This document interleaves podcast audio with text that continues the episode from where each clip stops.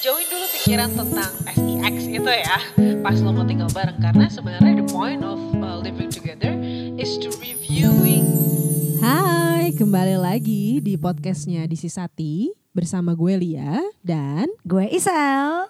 gimana kabar kalian minggu ini? Semoga baik-baik aja ya. Kayak di skenario ya. Sekalimat Iya. kita sekalimat. balik-balikan ya. Oke, jadi eh, karena tema bulan ini masih tentang hubungan eh, modern, walaupun kemarin sempat yang sama Chile agak berbeda ya. Cuman kita balik lagi nih karena yang ngomongin gue sama Isa lagi, jadi kita kembali ke tema bulan ini. Yaitu hubungan modern. Hubungan modern. Jadi kan hubungan modern itu luas banget ya. Luas banget. eh macem-macem banget nih mulai kayak kemarin kita ngomongin tentang online dating gitu. Terus ada juga perspektif perspektif perspektif tentang dating yang em, udah nggak kayak ma- ma- masa-masa orang tua kita dulu Betul, ya, gitu. ya. Termasuk juga mungkin tentang seks ya. Ya. Cuman kita belum ngomongin itu. Tenang, tenang, Tenang, ada bulannya nanti dinantikan ya. Nah, cuman em, minggu ini kami berdua tuh lumayan tertarik untuk ngomongin tentang eh, living together atau tinggal bersama sebelum menikah. Bukan untuk em, memberikan ide atau mendorong supaya tinggal bareng ya. Iya, Bukan, bukan, iya. bukan itu. Tapi buat apa Sel? Dilempar ke gue kira kayak gitu. Bagus. kan mungkin, Oh iya iya iya. mungkin. Maksudnya cuma untuk em, kita basically cuma mau membahas tentang apa sih dating eh, modern dating itu seperti apa Ya. dan opsi apa yang kita punya di kala eh, modern dating. Seperti awalnya kita membuka bulan ini dengan eh, satu postingan yang gue judulin em, optimisme hubungan modern. Hmm. Di situ ada satu eh, poin di mana kita tuh optimis bahwa di hubungan modern ini kita semua punya equal rights Ya. untuk punya pilihan dan bisa memutuskan sesuatu secara bebas. Itu juga kenapa kita banyak membahas tentang opsi-opsi apa aja sih yang kita punya di dalam hubungan modern gitu. Betul, betul, betul. Salah satunya tentang tinggal bareng ini. Salah satunya tinggal ting- tentang tinggal bareng. Ya. Tapi sebenarnya eh, yang tadi gue bilang, jadi kita berdua nih di sini ngomongin tinggal bareng bukan untuk semua orang sebelum nikah tuh tinggal bareng bukan. Iya, iya bukan, itu. bukan, bukan, bukan. Apalagi kalian-kalian yang masih SMA jangan ya. Ya. Bukan, bukan, bukan itu ya. Jadi em, semakin berjalannya waktu, kini kita kan berevolusi. Jadi perubahan zaman, perubahan cara kita berpikir tentang sebuah eh, hubungan asmara juga kan berbeda. Iya, betul.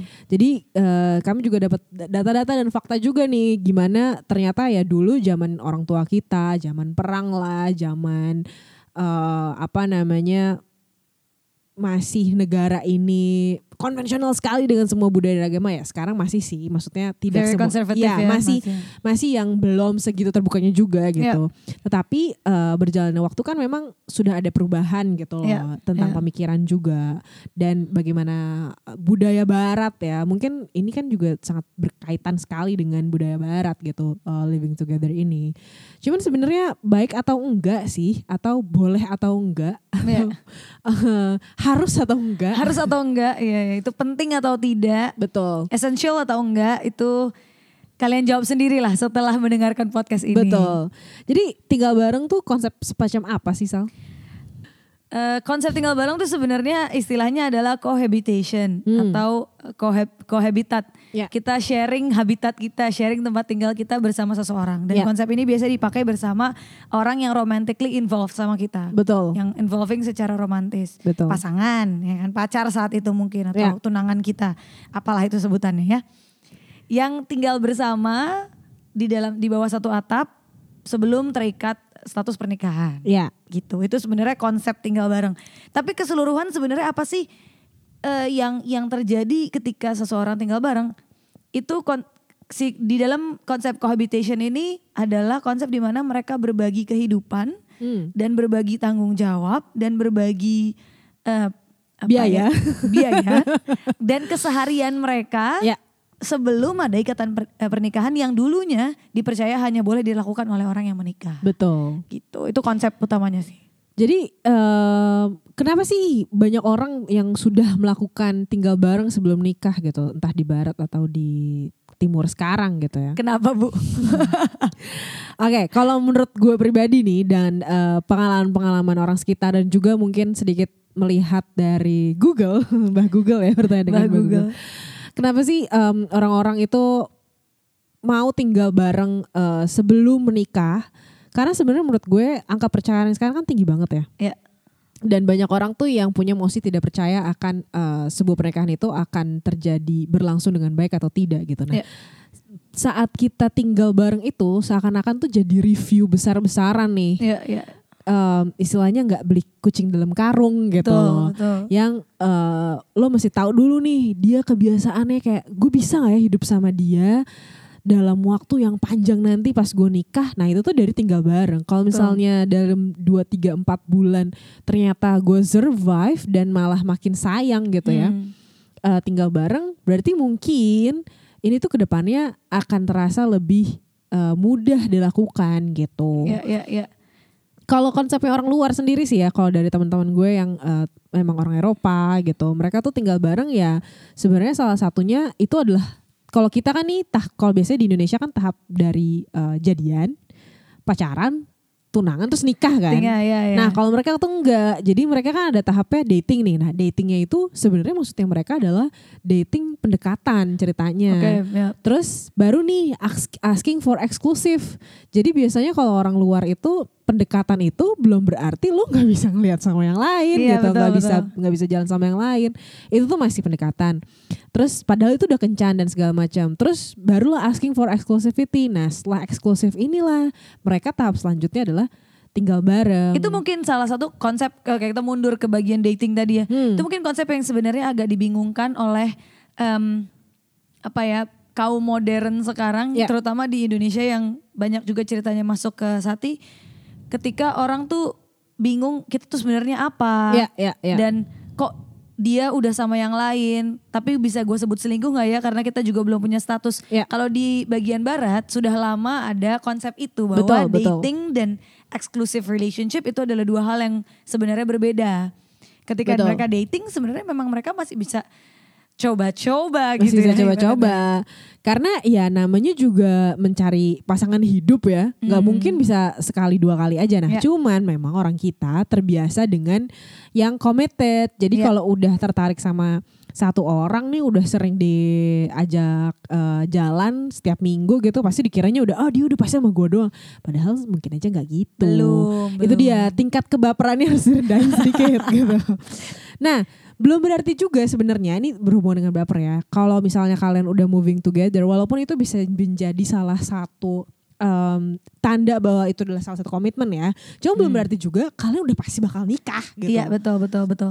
Well anyway kalau dari sejarahnya em, living together ini dipopulerkan di Amerika Hmm. di di bagian barat terutama karena tingkat pernikahan tertinggi itu ada di tahun 1970 sampai 1990-an. Hmm, hmm. Dan seperti bagaimana kita manusia selalu evolve dan selalu mencari solusi dari permasalahan yang kita punya, Ya.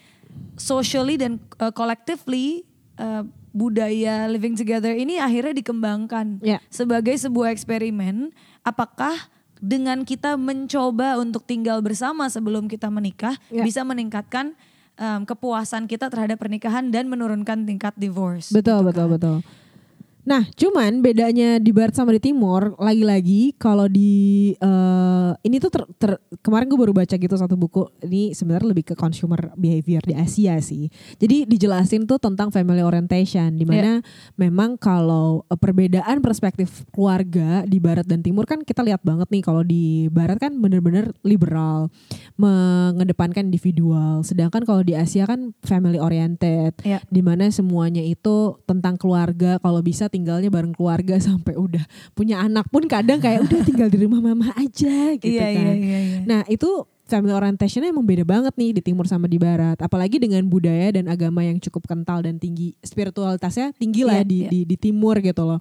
Sehingga em, sepertinya tuh hal tabu gitu kalau misalnya eh, tinggal di ibaratnya luar. ibaratnya jadi kayak kalau apalagi mungkin anak perempuan kali ya Ya. kalau di timur ya. Mungkin ibaratnya kalau keluarga tuh jadi protektif ini bayangan kepala gue Ya, aja ya, sih ya, maksudnya kayak ketika laki-laki atau pria ini gue bicara general aja ya, Ya.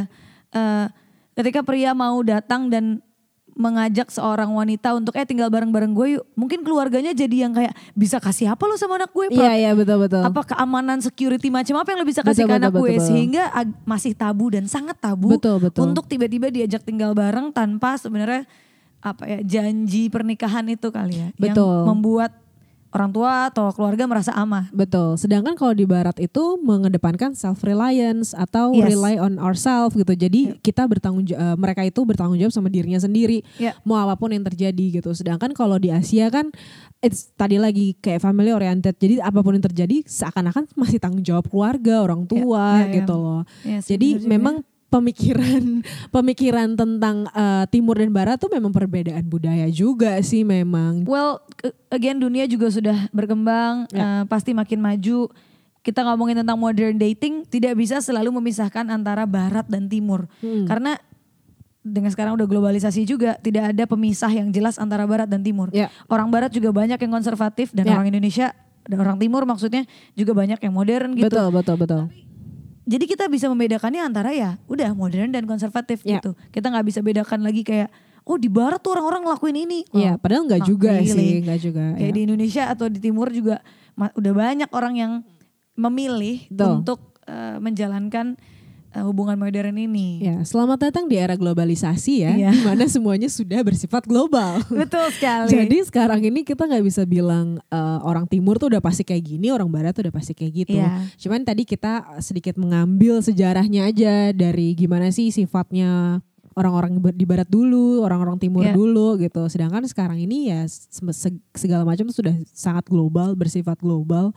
Walaupun gue tau banget sih di daerah-daerah tuh masih banget yang menjunjung tinggi banget nilai-nilai. Nah, tapi sebenarnya itu kembali lagi kan ke diskusi kita yang sebenarnya itu tergantung nilai-nilai diri yes. sendiri kayak apa gitu dan apa yang kita percaya. Ya, makanya ketika kita ngomongin tentang modern dating dan ngomongin tentang conservative dating atau old school kind of dating uh, relationship, kita lebih cocok untuk ngomongin tentang ya budaya, nilai dan juga religion sih sebenarnya Ya, agama karena tiga hal itu yang membangun membangun nilai yang kita anut mungkin dari kecil gitu. Ya.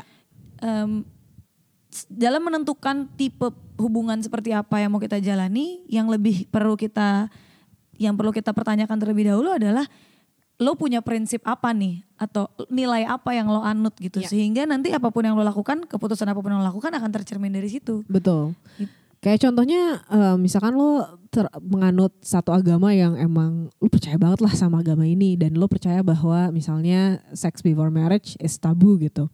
It's okay juga gitu loh maksudnya lo akan menjaga itu sampai lo nikah. nggak ada yang salah juga. Gak ada yang gitu. salah, itu pilihan lo. itu pilihan lo Iya, bener. betul. Dan nggak jadi satu em, apa namanya jaminan juga kalau misalnya lo nggak tinggal bareng terus nanti pernikahan lo berantakan ya nggak juga. Optimismenya adalah kita punya pilihan, kita bisa membuat keputusan bebas. Ya ya. Artinya kalau lo membuat keputusan untuk tidak mau tinggal bareng atau tidak mau berhubungan seks, it's okay juga Ya. gitu. Itu bagian dari keputusan sadar lo gitu. Betul betul. Terus em, apa sih yang kita harus tahu nih kalau misalnya kamu mulai mencari tahu eh bisa nggak ya gue tinggal bareng sama pacar gue gitu. Apa sih yang sebenarnya eh, kita mesti tahu duluan? Yang pertama sih nilai-nilai sih. Ya. Dan karena memang ya well, kita harus sadari bahwa kita tinggal di Indonesia yang gua rasa em, adaptasi terhadap eh, apa ya em, budaya modern ini belum juga belum belum menyeluruh atau mungkin tidak akan menyeluruh bahwa kita punya budaya kita sendiri Ya, gitu. ya. Kita harus tahu dan sadari dan memaklumi juga bahwa kita tetap punya budaya kolektif dan kekeluargaan Ya. yang kita tidak bisa mengesampingkan pendapat atau uh, pengaruh keluarga terhadap uh, keputusan-keputusan hidup kita Ya. gitu. Jadi sebenarnya menurut gua kalau kalau kita mau ngomongin tentang tinggal bareng dan berpikir mau tinggal bareng, um, well still pertimbangkan bagaimana orang-orang sekitar lo paling tidak atau keluarga Ya. melihat ini gitu. Tapi sebenarnya yang paling harus lo pikirin adalah mental lo sendiri. Ya. Karena tinggal bareng itu it's not like um, lollipop land that you imagine this time. Yeah, well, kalau lo memutuskan tinggal barengnya baru jadian sehari dua hari, it will Ya, be like juga will be like ya. a honeymoon phase banget gak sih kayak oh my god, I want to be with him or be with her 24/7 gitu. Iya iya iya. Jadi nggak selamanya itu semua indah, saudara. Iya. Tidak begitu. Sayangnya tidak begitu. Jadi em, pemikiran tentang eh, tinggal bareng itu harus benar-benar matang-matang banget karena coba Iya. lo bayangin ya lo tinggal sama keluarga lo aja pasti ada berantem berantemnya kan sama adik lo itu sama yang lo udah lo. beradaptasi sama mereka dari kecil ya, betul cuy. betul Dari lo lahir.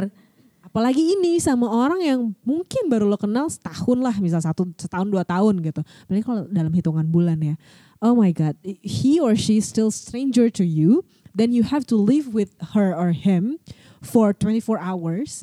Terus lo mesti menyaksikan bagaimana dia ileran pas bangun tidur ya kan? Gimana ke- kebiasaan-kebiasaan dia di rumah yang lo ternyata beda banget sama lo. Misalnya lo tuh Iya. orangnya freak clean clean freak abis gitu bener-bener yang semuanya harus bersih tiba-tiba pasangan lo tuh ternyata orangnya berantakan banget gitu Iya, iya, naruh iya, baju iya. sembarangan apa segala macam dan tiap hari lo bisa berantem cuman gara-gara hal kecil kayak gitu jadi pertimbangan mateng banget deh sebelum Apakah lo- memang hubungan lo sebenarnya sudah siap untuk dibawa ke jenjang yang itu ya? Jadi kualitas hubungan juga penting sebelum lo mengarah ke tinggal bareng sebelum nikah gitu. Iya iya iya. Sangat diperlukan mental yang cukup untuk bisa em, melangkah ke tinggal bareng. Karena kalau lo nggak siap mental yang ada setelah tinggal bareng, baru berapa bulan lo putus. Karena nggak siap menerima kenyataan-kenyataan bahwa ternyata kalian orang yang sangat berbeda dalam menghidupi sehari-hari gitu. Iya, iya, Terus em, yang penting lagi adalah pas lo tinggal bareng nih, eh, biasanya kan orang-orang tuh pasti mikirnya adalah lo akan doing sex thing kan. aku aku speechless. Tapi memang em, itu dia, lo nggak boleh mikirin itu dulu sebenarnya nih. Kalau misalnya nih kalian yang di luar sana berpikir bahwa ah berarti gue bisa bebas ngapain aja dong ya gitu kan. oh karena lo tinggal bareng, aku bisa berhubungan seks kapan aja. Eh, ibunda, bapak-bapak di luar sana, tidak seperti itu. Tidak ada yang bisa seenaknya. Iya. Menikah pun bukan ber- bukan menjadi license to have sex. Iya, Ingat. betul. Karena lo menikah sama seseorang bukan berarti lo bisa have sex sama mereka seenaknya, bukan Iya, itu. iya, iya, iya. Jadi em, jauhin dulu pikiran tentang em, SEX itu ya pas lo mau tinggal bareng karena sebenarnya the point of uh, living together is to reviewing your relationship gitu loh. Ya lagi kalau mau have sex juga zaman sekarang deh cuy. Di mana Lo aja. ngomongin di mana aja gitu. Lo nggak usah di nggak usah sampai tinggal bareng. Betul betul. Terus yang sulit tuh apa sih sebenarnya pas lo tinggal bareng gitu? Oke, konsep tinggal bareng yang oke, again balik ke tadi salah kaprah soal tinggal bareng orang Ya. berharap cuman oh itu kebebasan untuk seks. Yang kedua kebebasan dari orang tua dan semuanya. Ya. Pahit-pahitnya adalah first things first. Lo akan sharing financial. Yes. Nyet ngatur duit lo sendiri aja susah banget nih. Gimana lo sharing? Gimana lo sharing?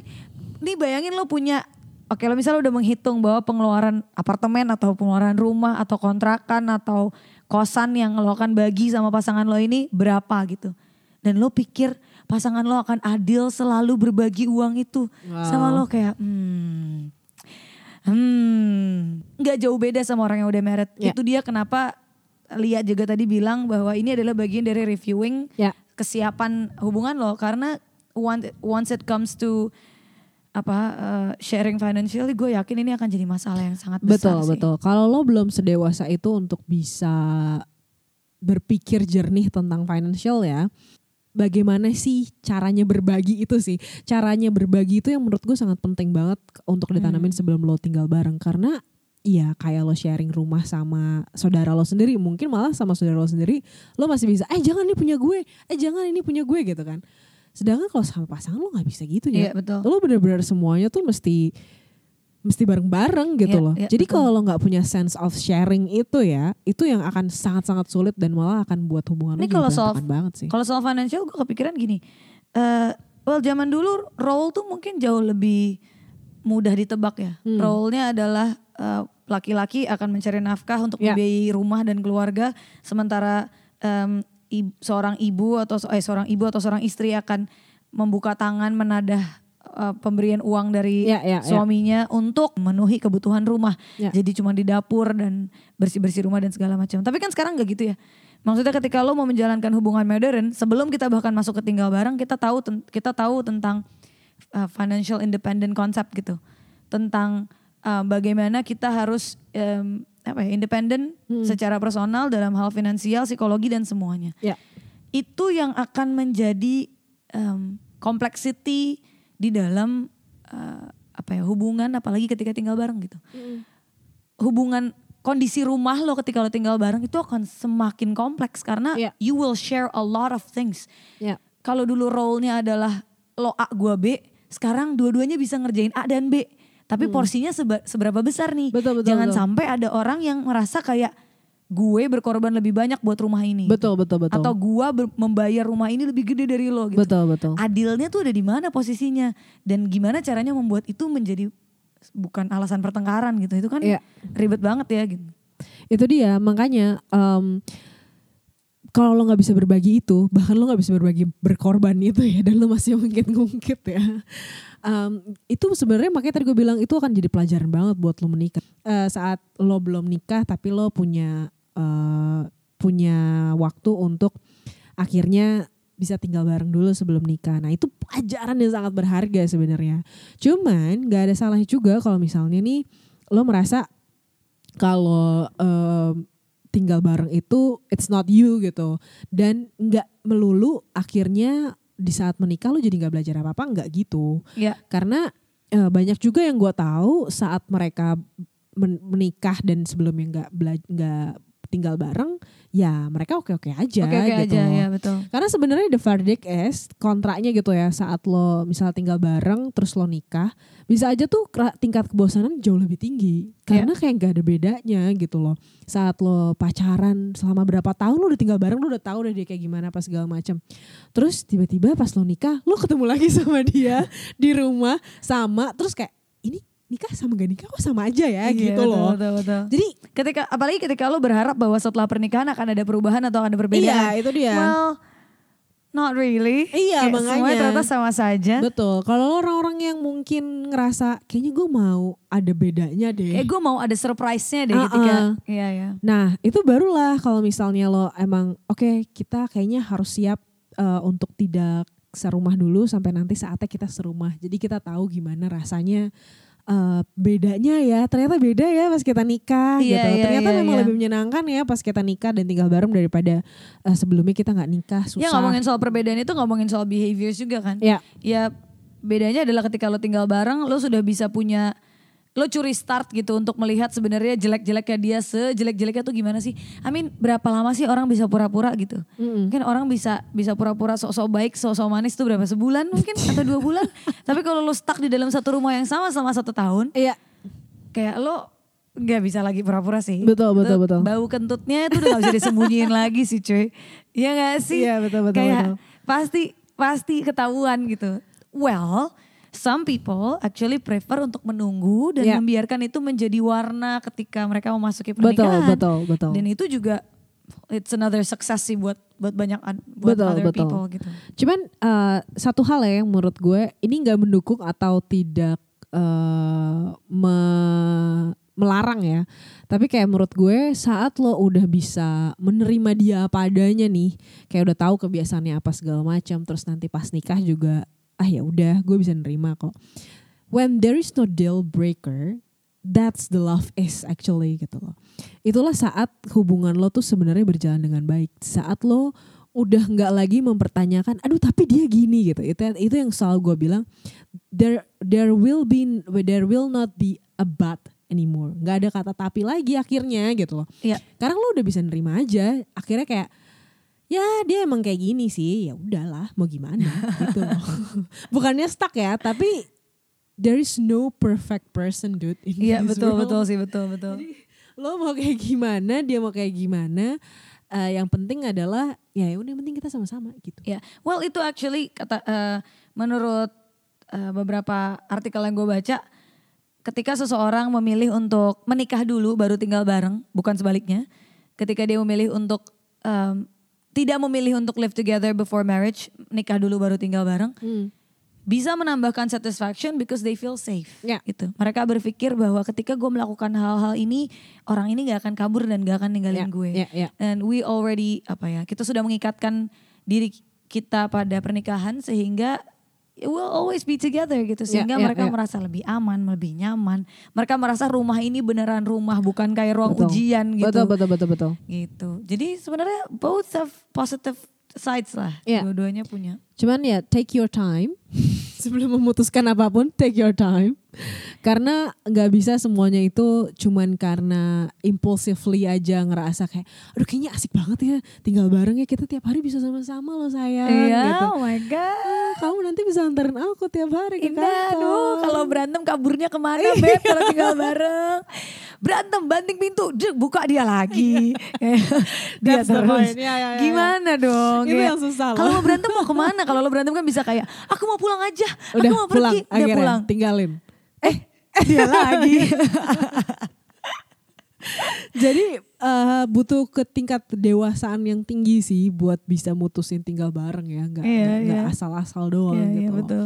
But it will be a good thing kalau misalnya udah sampai ke tahap itu gitu. Jadi menurut gue nggak semua pacar lo nih misalnya sekarang lo bisa tinggal bareng tuh nggak semua. Iya, iya. Maybe dari 10 orang nih paling cuma satu atau dua yang lo rasa kayaknya nih bisa di tahap bisa buat sampai tinggal bareng gitu. Iya, betul, betul. Tapi jangan ngerasa kayak itu adalah tahap selanjutnya di setiap sama Hubungan, setiap orang, iya. iya di setiap hubungan gitu. It's Buk- not that. Iya bukan kayak hmm udah lima bulan nih kapan ya gue tinggal barengnya gitu.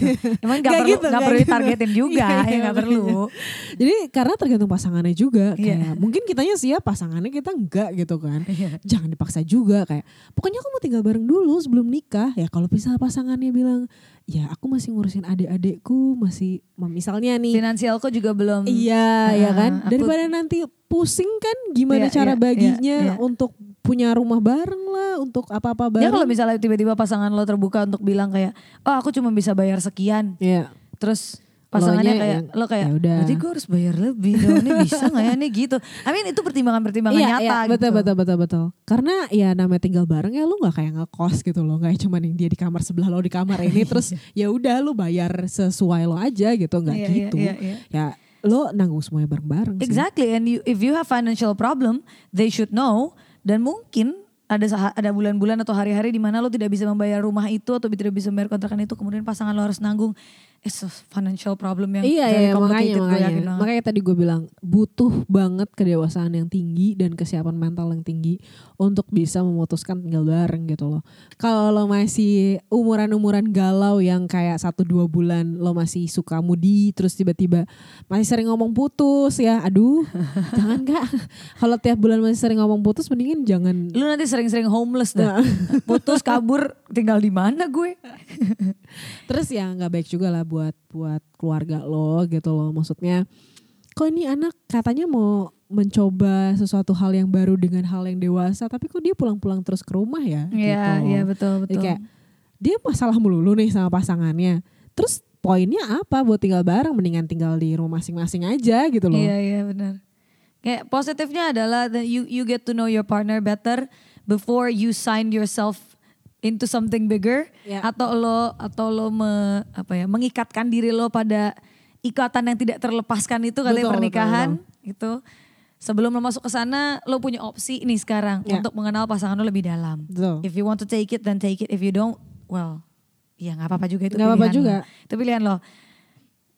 Pertanyaannya adalah apakah kita merekomendasikan tinggal bareng untuk sa- sati di luar sana? Again, seperti ada yang kemarin masukan dari orang-orang gitu ya. Kalau saat itu seperti ateis. Iya. Jadi saat itu tidak menganut kepercayaan tertentu Iya. sebenarnya. Jadi saat itu lebih membuka ruang diskusi. Guys, tar dulu, disclaimer. bukan kitanya Bukan, yang bukan, ateis bukan, ya. bukan, Satinya. Jadi Satinya. sati itu tidak menganut kepercayaan tertentu yang lo harus gini, Lo harus gitu, nggak boleh ya. gini gitu. Nggak nggak gitu. Kami justru lebih ke membuka ruang diskusi nih. Eh, menurut kami itu ada dua opsi. Selalu ada opsi. Nggak Selalu ada satu. opsi, Nggak betul. cuma satu opsinya dalam eh, memandang suatu hal. Dan gitu bahkan loh. dalam op- di balik opsi-opsi tersebut banyak pemikiran yang mungkin kita punya berbeda ya. Iya betul.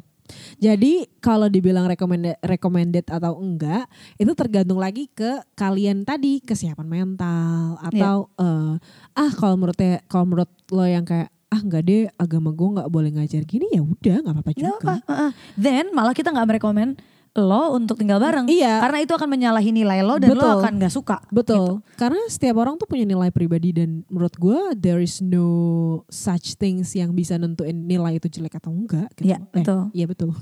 jelek atau bagus Kan gitu. Jelek atau enggak? Oh ya. Mikir. Tapi kalau misalnya memang ternyata lo punya nilai bahwa oh ya, gue merasa tinggal bareng itu perlu karena gue perlu yakin betul bahwa em, ketika gue menikah dengan dia, menghabiskan seluruh hidup gue, the rest of my life with them itu eh, dengan 100% mengetahui mereka, dan well it's good for you then gitu. Hmm. Itu berarti lo membutuhkan ini. Iya. Tapi itu again tergantung bagaimana uh, nilai-nilai yang lo anut. Betul. Jadi kesimpulannya Kesimpulannya adalah di era yang modern ini nowadays kita nggak perlu lagi beli kucing dalam karung. betul. Kita bisa ngeluarin kucingnya dulu untuk lihat kayak apa sih nih ketika kita memutuskan untuk memasuki sebuah hubungan, mau itu pernikahan, mau itu dating, gitu. kita nggak perlu buta lagi gitu. Iya, iya, iya. nggak banyak opsi kok zaman sekarang. Betul. Sekarang informasi itu sudah sangat banyak banget di luar sana yang bisa kita gali, kita bisa lakukan riset dan segala macam. Banyak juga kelompok-kelompok yang bisa memberikan kalian inspirasi juga dan kalian tuh harus banget punya temen ya. Iya. Kayak harus banget punya temen untuk bisa sharing pengalaman, cerita dan ngasih insight dan masukan seperti apa sih sebenarnya em, hubungan satu dan lain hal dan nggak mesti eh, sama juga dengan hubungan-hubungan yang lain gitu Iya, loh. iya, iya. Kalian punya nilai sendiri dan punya pengetahuan sendiri tentang hubungan kalian dan yang paling tahu ya kalian sendiri gitu mana yang paling baik. Ya, dan di episode kali ini kita ngomongin tentang balik lagi tentang tinggal bareng. Ya. Sebagai sebuah opsi untuk mengenal pasangan lo lebih jauh, untuk mengenal seberapa dewasa hubungan lo dan seberapa siap lo untuk memasuki pernikahan. Ya. Tapi kalau lo tidak mau mengambil opsi ini juga tidak apa-apa. Banyak jalan lain untuk membuat lo yakin apakah lo siap untuk masuk ke pernikahan atau enggak. Betul. Banyak jalan lain untuk bisa kenal pasangan lo lebih jauh dan lebih dalam. Yes, betul sekali. Oke. Semoga bermanfaat. Semoga bermanfaat dan bisa menjadi bahan pemikiran dan bahan diskusi untuk teman-teman semua. Semoga sesaat di luar sana menunggu topik-topik kita Selanjutnya? Selanjutnya. Eh, nanti bisa sharing kali ya di DM Instagram Betul. atau di sesi cerita apakah teman-teman akhirnya memutuskan untuk tinggal bareng atau enggak? Ya, Atau apakah kalian punya eh, pendapat lain tentang tinggal bareng? betul. Alright, kita akan ketemu di episode selanjutnya. Bye. Bye.